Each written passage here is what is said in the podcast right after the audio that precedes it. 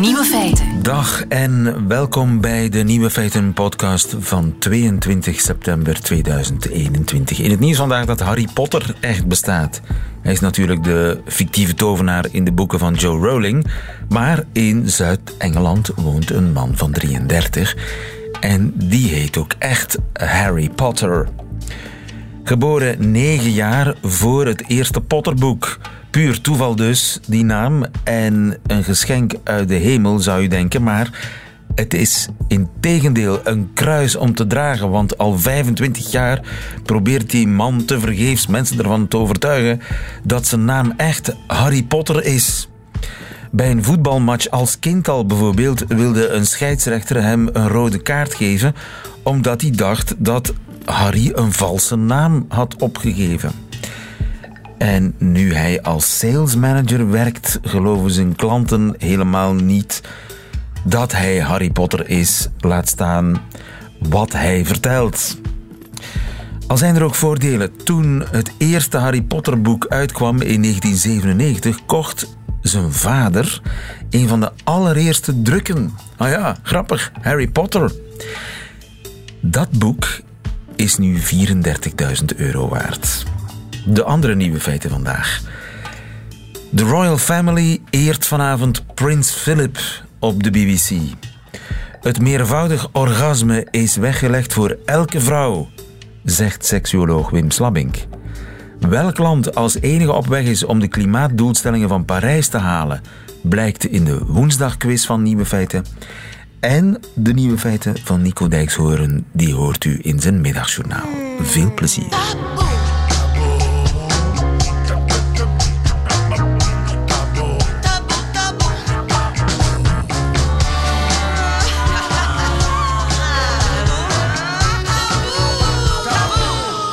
Een vrouw kan tot 100 keer klaarkomen tijdens een vrijpartij, blijkt uit nieuw onderzoek in Montreal, Canada. Wim Slabbink, goedemiddag. Goedemiddag. Je bent seksuoloog. Het is onderzoek van de McGill Universiteit in Montreal. Tot 100 keer klaarkomen per vrijpartij. Verbaast je dat? Uh, verbaast mij niet echt. Het is wel dat verbaast je niet? 100 keer? Nee, nee, nee. Uh, ik ben blij dat ik zit. Dat niet. ja. Uh, nu, ik zou er niet aan beginnen. Lieven als man is dat gewoon onmogelijk. Het wereldrecord voor de man staat op 16 keer per uur. Maar het is wel zo dat het wereldrecord bij de vrouwen op 134 keer op een uur staat. Dus dat een vrouw in die studie tot 100 raakt, is op zich niet, niet onmogelijk. Hoeveel procent van de vrouwen heeft een meervoudig orgasme? Dat is een heel goede vraag, lieven. En dat is eigenlijk uh, nog niet echt zeer grondig onderzocht geweest. Wat we wel weten... Dat is toch is dat eigenlijk heel straf, ja. hè? Dat we dat ja, klopt, eigenlijk maar... niet weten. Dat is een mysterie. Hoeveel vrouwen krijgen een meervoudig orgasme? Geen idee. Wel, we weten ongeveer dat het tussen de 14 en de 43 procent Wauw, tussen liggen. de 14 en de 43 procent. ja, oké. Okay. Dat, uh, dat kan ongeveer alles zijn. Dus we, we, we weten eigenlijk van toeten.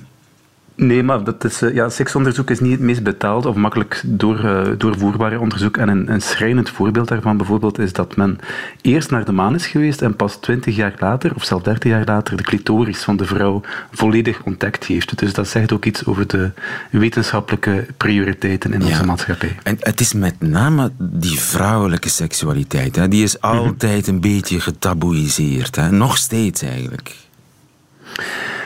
Ja, maar ik denk dat dat eigenlijk ook over de mannelijke seksualiteit wel geldt. Uh, het is wel zo dat als het gaat over die, inderdaad, het meervoudig orgasme bij de vrouw, dat daar, ja, er zijn wel studies naar geweest en we weten daar ook zaken over uit andere uh, uh, samenlevingen. Bijvoorbeeld als je kijkt naar de Afrikaanse cultuur, daar is het eigenlijk heel normaal dat, dat moeders of tantes aan de nichtjes gaan uitleggen van hoe je klaarkomt. en, en daar zijn zelfs stammen waar dat eigenlijk verplicht is om te kunnen bijvoorbeeld klaarkomen of ejaculeren voor je een huwelijk kan hebben. Uh, nu, bij ons is dat iets anders. Wij uh, doen dat via seksuele educatie op scholen, dat is misschien ook maar goed. Hè.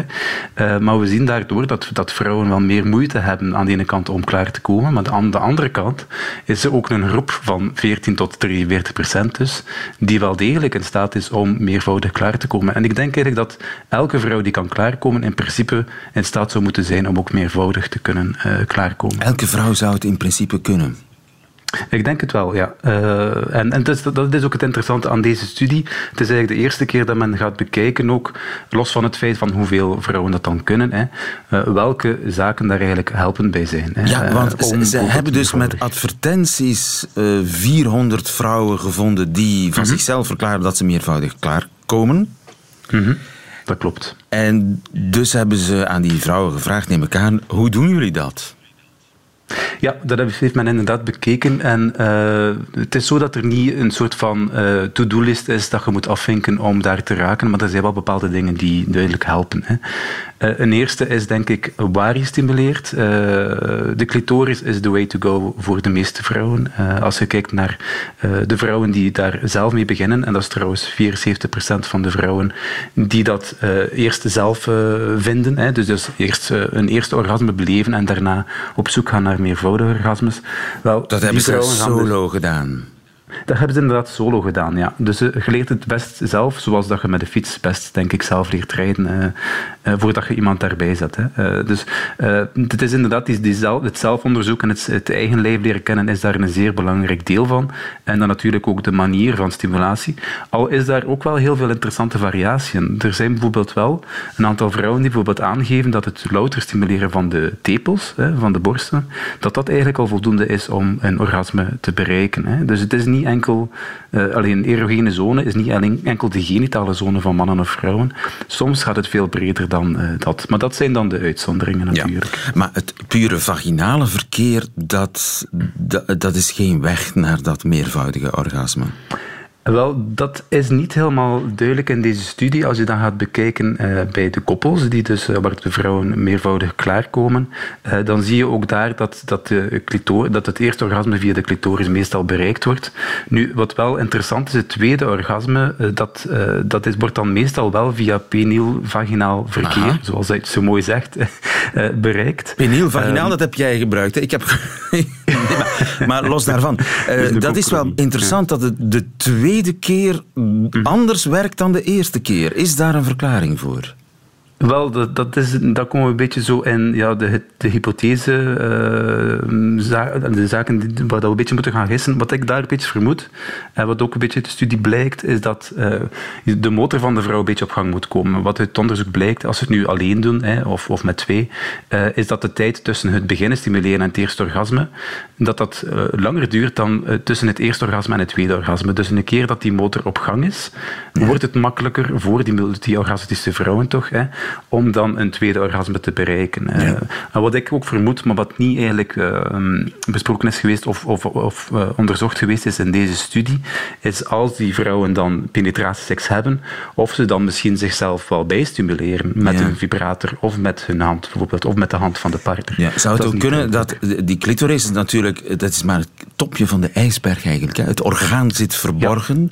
Ja. Als, als, als dat hele orgaan ja, opzwelt, dat misschien mm -hmm. dan die vagina ook meer contact daarmee heeft. Ja, zeker en vast. En dat is inderdaad uh, een van de, van de verklaringen die daar ook liggen. Uh, wat het dan ook makkelijker maakt voor vrouwen om een tweede keer inderdaad klaar te komen. Een clitoris is in die zin, zoals, net zoals een penis, die zwelt op, die wordt stijf. En uh, dat zorgt ervoor dat inderdaad dat tweede orgasme makkelijker uh, Ja, het grootste deel zit helemaal verborgen inwendig. Ja, dat is zo. Een tiende, men zegt soms topje van de ijsberg, zeg liever de top van de vulkaan. Dat is wat heter als omschrijving. Uh, maar het is inderdaad zo dat negen tiende van dat lijf uh, binnenin zit. Hè. En, en, en, er zijn bijvoorbeeld, uh, als vrouwen pijnvrij willen vrijen, bijvoorbeeld, is het heel belangrijk dat die clitoris voldoende opgezwollen is. Ja. maar ook om het vaginaal meer plezierig te maken, is een goede zwelling van die clitoris absoluut een goede zaak. Hè. Ja. Nu, los van, van die zaken van um, stimulatie en de plaats waarvan, uh, is het ook wel heel nuttig als uw partner, uh, als het een man is, als die dat eventjes kan uithouden. Hè. Uh, want daar is wel wat tijd voor nodig, ook in bed. Ja, want zo die meervoudige orgasmes, dat doe je niet in 1, 2, 3. Ho hoeveel tijd zit daar bijvoorbeeld tussen, tussen het ene en het, en het tweede? Of het, het derde Wel, en het vierde?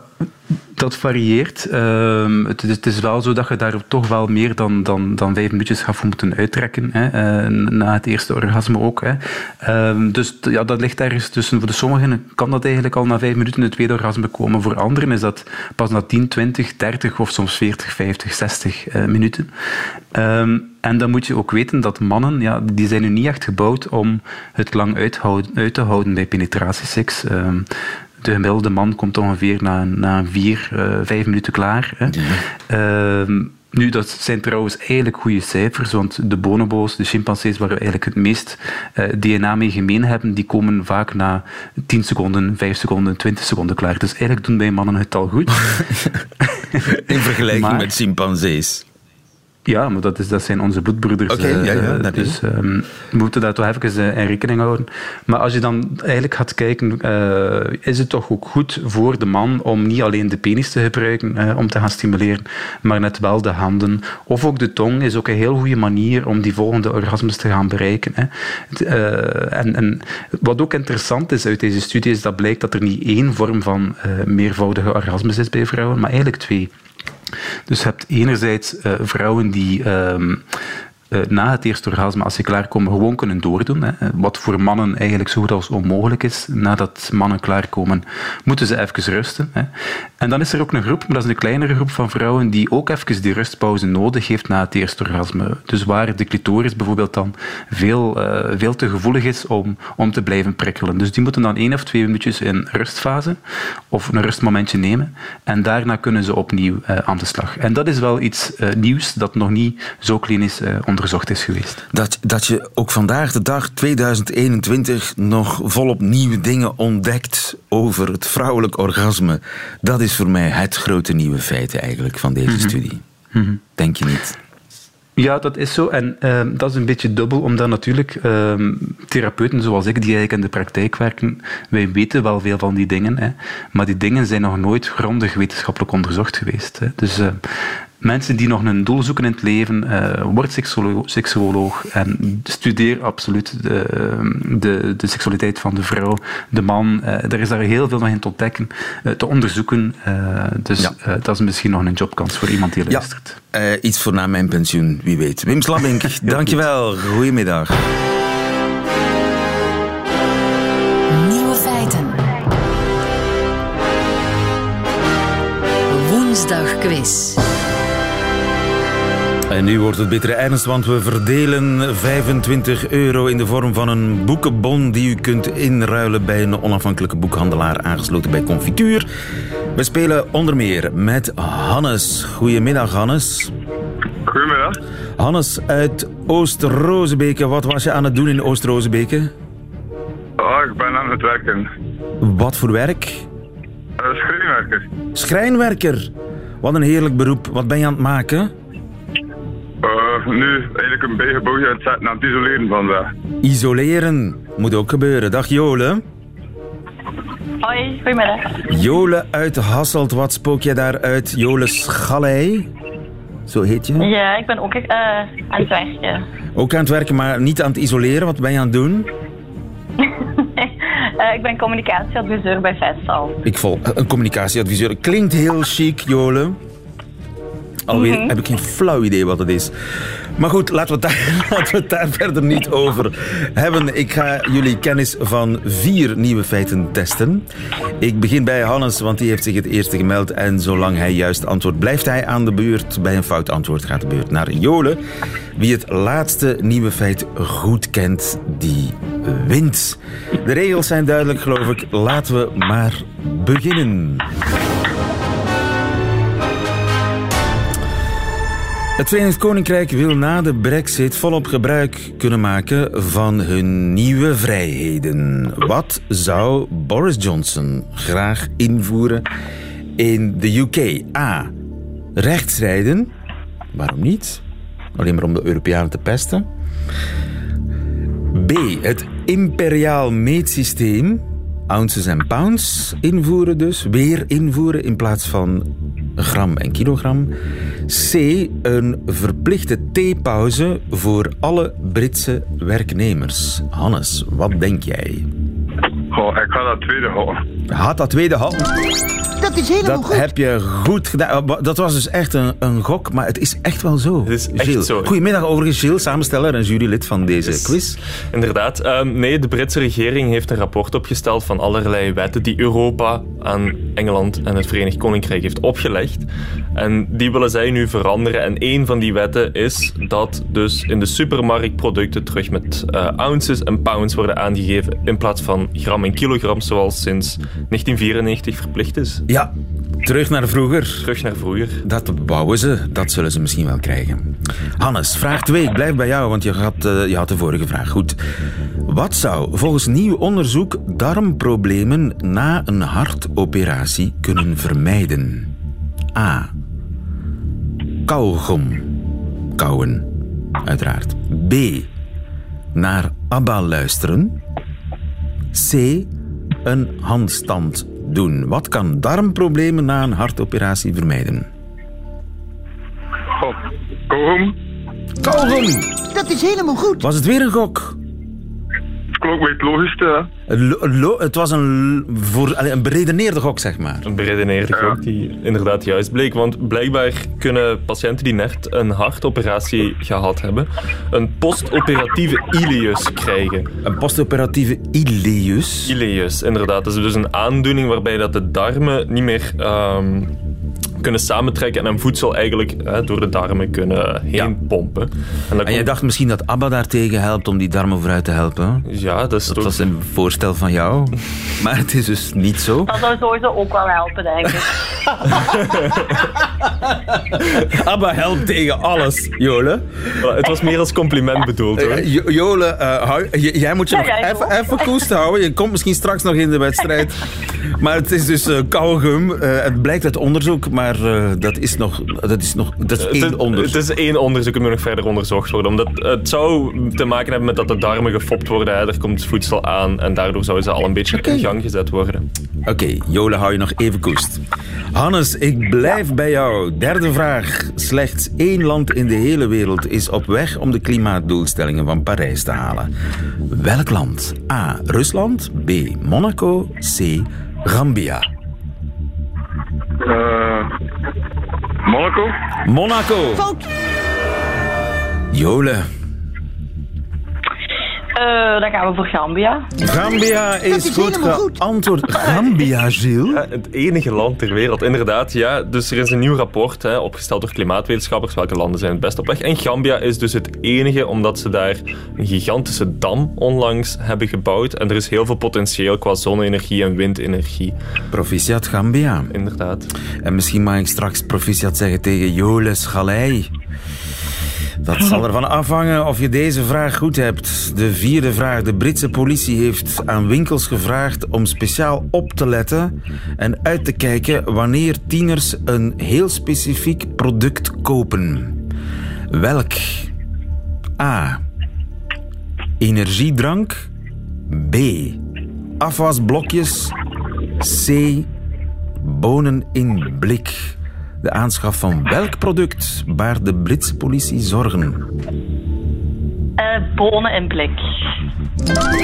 Dat is helemaal goed. Dat is helemaal goed, Jole, en daarmee kan ik jou feliciteren. Yay. Geweldig gespeeld, Hannes. Je had bijna alle vragen goed, maar eh, Jole kwam dan eh, net op tijd in de wedstrijd en won ze met bonen in blik, Gilles. Het heeft alles te maken met TikTok.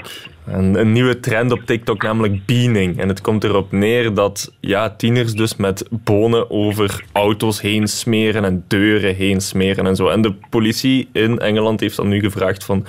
Jongens, eh, winkels, kijk alsjeblieft uit voor tieners die bonen in blik kopen. En als ouders zien dat er bonen in blik uit de voorraadkast verdwenen zijn, wees waakzaam. Wist je dat, Jole? Eh, de eerlijkheid gebiedt mij dat Ach. mijn collega Lisbeth mij erop wees. Ah, Lisbeth wist het. Zeer ja, goed gedaan. Bedankt, Lisbeth. Bedankt, Lisbeth. En nu gaan jullie ruzie krijgen natuurlijk. Want ja, wie heeft er nu eigenlijk gewonnen? Lisbeth of Jole? In ieder geval, jij, eh, de, er gaat een, eh, naar Hasselt een boekenbon ter waarde van 25 euro. Weet je al welk boek je gaat kiezen? Ja, Lisbeth, als ik mag kiezen, dan wordt het Griet op de Beek. Griet op de Beek Is een nieuw, hè? zal het voorwerp van een geweldige catfight worden tussen Jolen en ABBA-biografie. ABBA-biografie. Oh, zo zijn ja, er ook ja. goed. Dat kan eventueel een compromis zijn tussen Jolen en Lisbeth. Ja. In ieder geval, gefeliciteerd en dankjewel voor het meespelen. Dank. Volgende week is er weer een woensdagquiz.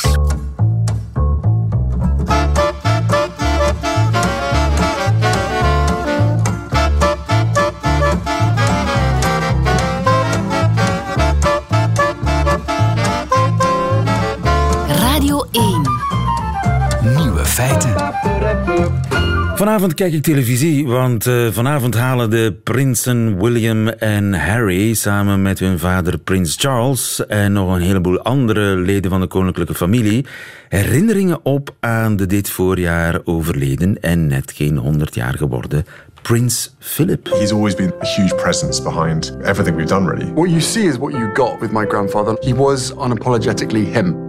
You never really prepare yourself for losing him because he was always there. We were lucky to have him for nearly 100 years. Prince Philip, the royal family remembers, on BBC One and iPlayer. Ja, vanavond om 10 uur op het eerste net van de BBC eert de koninklijke familie hun pater familias prins Philip. Zou de Queen zelf ook een woordje doen? Ik vraag het aan mijn favoriete koningshuiskenner Jo de Poorter. Goedemiddag, Jo. Goedemiddag. Ehm, ik moet je al teleurstellen. Misschien ben ik je favoriet dan niet meer, maar... ehm, het De Queen is heeft niet meegewerkt. Nee, dat, ehm, nee, dat lijkt me niet. Om verschillende redenen. In de eerste plaats omdat ze dat nooit doet. Ehm, de, de, de Queen leest toespraken voor. En meer dan dat zal je haar publiek... Wordt nooit geïnterviewd. Ja, wel eens over, ze spreekt wel eens over paarden en honden en zo. Dingen waarvan ze houdt, maar die ongevaarlijk zijn. En dit is natuurlijk... Ja, het onderwerp is heel dicht en heel persoonlijk bij haar. Ze zijn 73 jaar getrouwd geweest. Het is de grote liefde van haar. Het is de enige man eh, voor zover we kunnen nagaan, die ze ooit gekend heeft, in bijbelse zin. Ehm, dus het is heel nabij, zelfs bij de begrafenis afgelopen lente, eh, waar ik commentaar mocht doen, waren we op een bepaald moment bij de televisie in paniek, omdat we haar niet zagen tijdens de dienst. En we hebben toen vernomen van collega's van de BBC dat ze uitdrukkelijk aan de regisseur gevraagd had om zo weinig mogelijk en zeker niet eh, in close-up in beeld te komen, want je eigen rouw draag je niet op je mouw. Ja, zo is dat voor een queen. Zeker nu ongeveer iedereen elders, iedereen, iedereen anders van de koninklijke familie, die eh, komt wel in beeld en wordt wel geïnterviewd. Die interviews worden prachtig gemixt met archiefbeelden, neem ik aan. Eh, we krijgen een portret van een, een pater familias. Een portret ook, zo lijkt het wel, van een nuchtere probleemoplosser.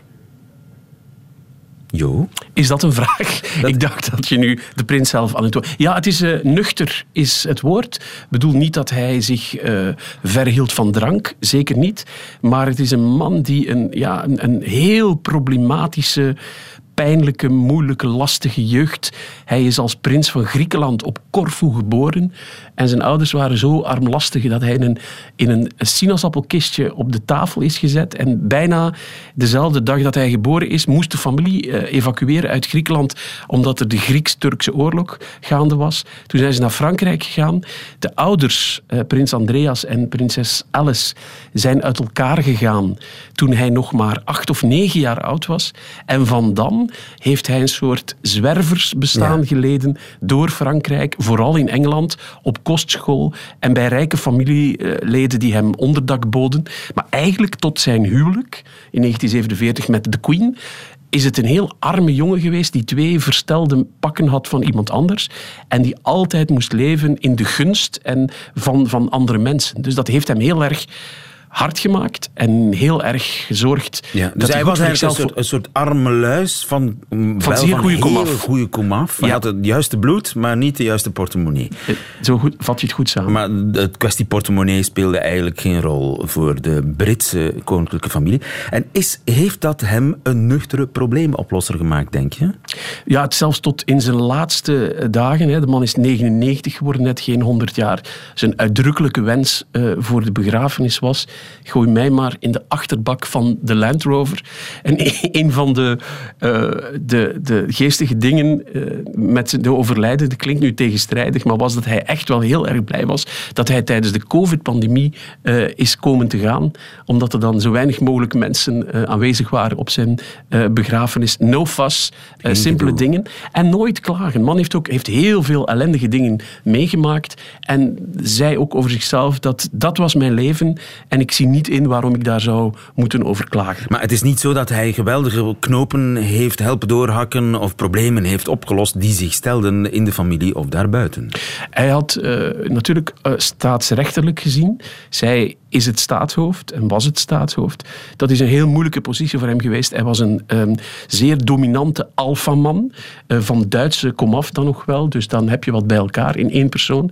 Die het, het is een hele leven lang heel moeilijk gehad heeft, omdat hij, en zo zei hij het zelf ook altijd, uh, bij wet de eerste achterloper was. Dat betekent ja. dat hij haar altijd moest laten Hij volgen. was de man van. Hij was de, hij was de, hij was en de, dat is natuurlijk voor iemand met een zekere geldingsdrang heel moeilijk te slikken. Heeft hij achter de schermen niet uh, door Zeker. Um, ze heeft uh, al heel snel met hem een taakverdeling afgesproken. Dus zij was baas van het koninkrijk en hij was baas van het gezin. En dat heeft hij heel letterlijk genomen. Er zijn ook zware ruzies geweest. Op een bepaald moment dacht hij van oké, ik ben nu wel de man en ik heb een achternaam en ik verwek kinderen en dat is goed voor het nageslacht, maar ik zal toch wel die kinderen mijn achternaam moeten geven. Dat is een hele kwestie geweest waar de koningin ook uh, geworpen is tussen echtgenoten zijn en de kerk willen in het midden houden, maar ook staatshoofd zijn en de naam van Windsor, want zo heten ze, willen beschermen. Uiteindelijk heeft hij dat verloren, maar hij heeft eigenlijk alles te zeggen gehad over de opvoeding van de kinderen. Hij is naar een, een, een heel barre Schotse kostschool geweest in het noorden van Schotland, Gordonstoun. En tegen de zin van de familie en vooral tegen de zin van zijn eerste kind Charles zelf, heeft hij Charles daar naartoe gestuurd. En dat is een grote dramatische ervaring uit het leven van Prins Charles. Een hele bikkelharde school waar hij gepest is en geslagen is. En dat is iets wat hij zijn vader bijna nooit vergeven heeft. Want het is mooi dat Charles nu gaat getuigen in die documentaire van wat een geweldige man het was. Maar die, die, die relatie is verziekt geweest en besmet geweest van eigenlijk in Charles zijn kindertijd. Door die, die, die ja, Spartaanse kostschool waar Charles uh, tegen zijn zin uh, en tegen zijn natuur eigenlijk... Ja, Charles moest een man worden en Charles moest een sportman worden. Ja. En Charles is eigenlijk een, een, een, dichter en Charles houdt ervan om aquarelschilderijen te maken. Ja. Dat is iets anders dan roeien en bergbeklimmen. En dat is tussen de vader en de zoon toch altijd een heel belangrijke kwestie geweest. Die nu met de mantel der liefde en de mantel en de zachtheid van de tijd toegedekt zal worden vanavond. Maar het is wel een hele kwestie geweest. Nu, dat hij de nuchtere probleemoplosser is, dat bevestigt zijn dochter Prinses Anne. He is fundamentally a problem solver. And I think a lot of that um, stems from his early experience and the problems in his early life. I'm so curious about people. I just asked him about his childhood. It was absolutely riveting.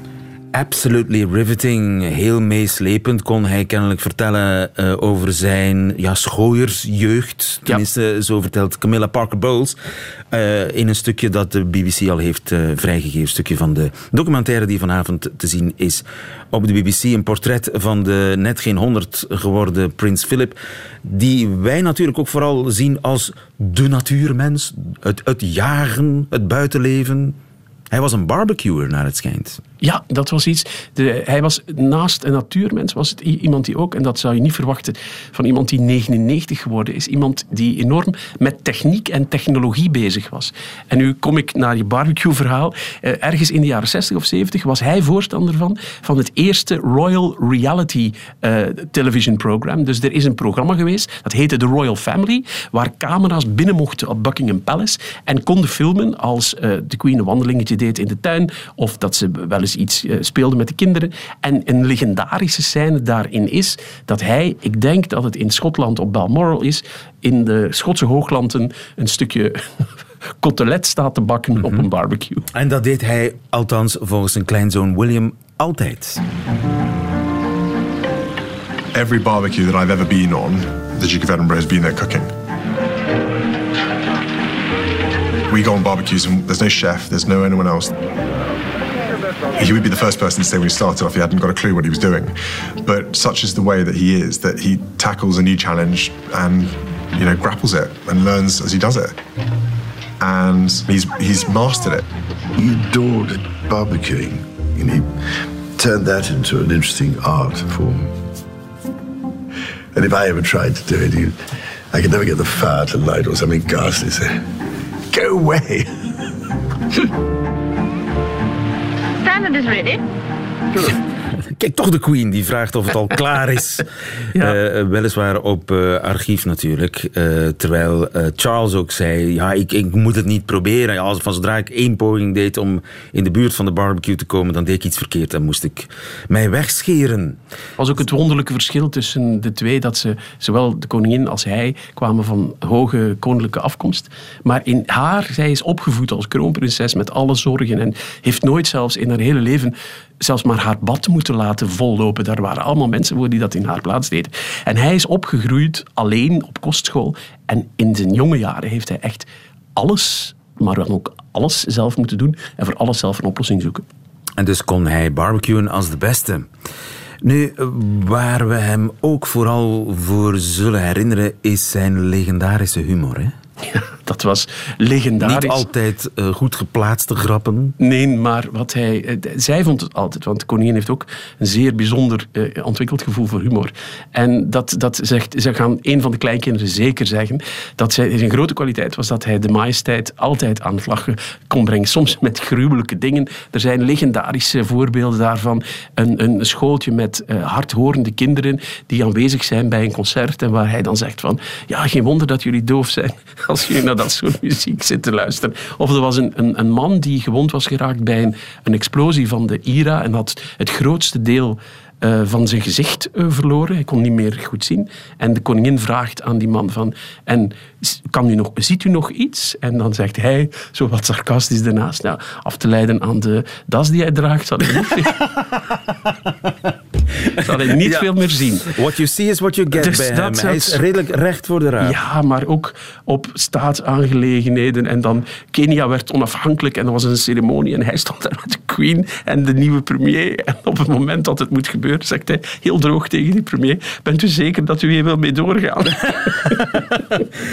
Eigenlijk een toffe peer. Ja, een zeer toffe peer die zich van weinig eh, iets aantrekt. En, eh, ja, maar die voor haar ook, eh, bij het, ik denk haar, hun diamanten huwelijksjubileum, want ze zijn, god beter, 73 jaar getrouwd geweest. Heeft ze, het is een van de weinige keren dat ze hem echt geëerd heeft. En daar noemt ze hem ook My Constant Strength and Guidance. En dat is natuurlijk, want niemand zegt ooit tegen die vrouw uh, hun gedacht of hoe het werkelijk in elkaar zit. En je had maar een paar mensen in haar leven, haar moeder, haar zus en haar man, die af en toe wel eens zeiden van en nu bek dicht. Uh, nu bek dicht, Betty. Zoiets. Uh, dat hij een grapjas was, dat moet ook blijken uit het feit dat het plafond van ongeveer elk vertrek in om het even welk paleis waar ooit geluncht werd, het plafond daarvan vol mosterdvlekken zit. One of the games he used to enjoy playing was uh, when we used to go for family barbecues. Um, instead of a, uh, like a mustard pot, we had a mustard tube, a squeezy mustard tube. Um, and he used to take the lid off and put it in your hands. He gets you to hold it. Gets you to hold it in in your hands and the lid's off and I can't remember exactly what he says, but he ends up slamming your hands together. And then he'd squish your hands together to fire the mustard into the ceiling. It goes Ceiling, all, o- went it all was over the the- on the ceiling. He used to get in a lot of trouble from my grandmother for covering most of the places uh, we had lunch and things with mustard on the ceiling. And I actually think the marks are still there. From, Yeah, I think so. Ja, de sporen, de sporen zijn er eh, van een eh, practical joke met een mosterdfles die hij kennelijk meer dan eens heeft uh, toegepast. We gaan kijken, Jo, denk ik, Ja, vanavond. ik, ik alvast. Ik ook. BBC One om tien uur vanavond. Prince Philip, The Royal Family Remembers. Dankjewel, Jo de Pulter. Goedemiddag. Nieuwe feiten. En dat waren ze, de nieuwe feiten van 22 september. Alleen ook die van Nico Dijkshoorn moet u hebben. U krijgt ze in zijn middagjournaal. Nieuwe feiten. Middagjournaal. Beste luisteraars, gisteren beloofde ik u dat ik als steuntje in de rug voor Patrick Lefevre dit middagjournaal dronken in zou spreken. Dat is me niet gelukt. Om half zes 's ochtends aan het bier En de wodka, ik kan dat niet. Om twee redenen. Ik vind het niet lekker en het voelde te veel als method acting. En als ik ergens een hekel aan heb, dan is het method acting. Voor wie niet weet wat dat is, leg ik het even kort uit. Een acteur moet in een film een man spelen die eerst in een kippenslachterij werkt en daarna carrière maakt als poppenspeler. Aan het eind van de film maakt hij van oude theedoek een enorme luchtballon waarmee hij de wereld rondvliegt. Hij trouwt met een meeuw. Normaal gesproken denk je dan als regisseur: ik huur een acteur die dat allemaal geloofwaardig neer kan zetten. Een goede acteur trekt zich dan even een kwartier terug op de wc en daarna speelt hij die rol vlekkeloos. Acteurs die aan method acting doen, die gaan eerst een half jaar op een kippenslachterij werken en daarna lopen ze drie maanden stage in een theedoekenfabriek. In de avonduren leren ze van een poppenspeler het vak. Daarna vliegen ze twee maanden lang met een luchtballon door Europa en verdiepen ze zich in het liefdesleven van de meeuw. Voor mij was het dus kiezen. Een jaar lang zuipen en wakker worden in mijn eigen urine, of gewoon net doen alsof ik dronken was. Luisteraars, ik vind dat u allebei die varianten niet verdient. Acteurs die een dronken iemand acteren, dat is altijd vreselijk. Het ergst is het wanneer ze lukraak wat woorden door elkaar gaan husselen, zodat iedereen thuis begrijpt: de persoon waar ik nu naar luister, die is blijkbaar dronken. Als ik nu geacteerd dronken afscheid van u zou nemen, dan zou dat als volgt hebben geklonken. Luisteraars, de beste. Ja, ja, nee. Nee, maar, maar goed, waar was ik? Wat ik wil zeggen. Ja, dit wilde ik zeggen. Dat is dat iedereen lief is. Want iedereen heeft een navel. Ik ook. Ik laat hem nu aan u zien. Ik laat mijn navel zien, want het is radio. Maar wat ik de leukste dieren vind, dat is een eekhoorn. Het van die wangen. Nou dag. Nou ga ik lekker zwemmen met Ria. Luisteraars. Dit wilde ik u besparen. Daarom kloek en recht vooruit. Tot morgen.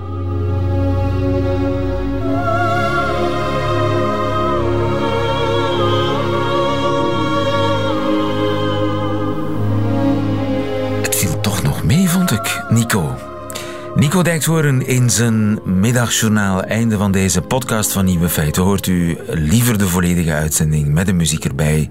Dat kan natuurlijk live van maandag tot vrijdag op de radio. Of dat kan op radio1.be of via de app van Radio 1. Tot een volgende keer.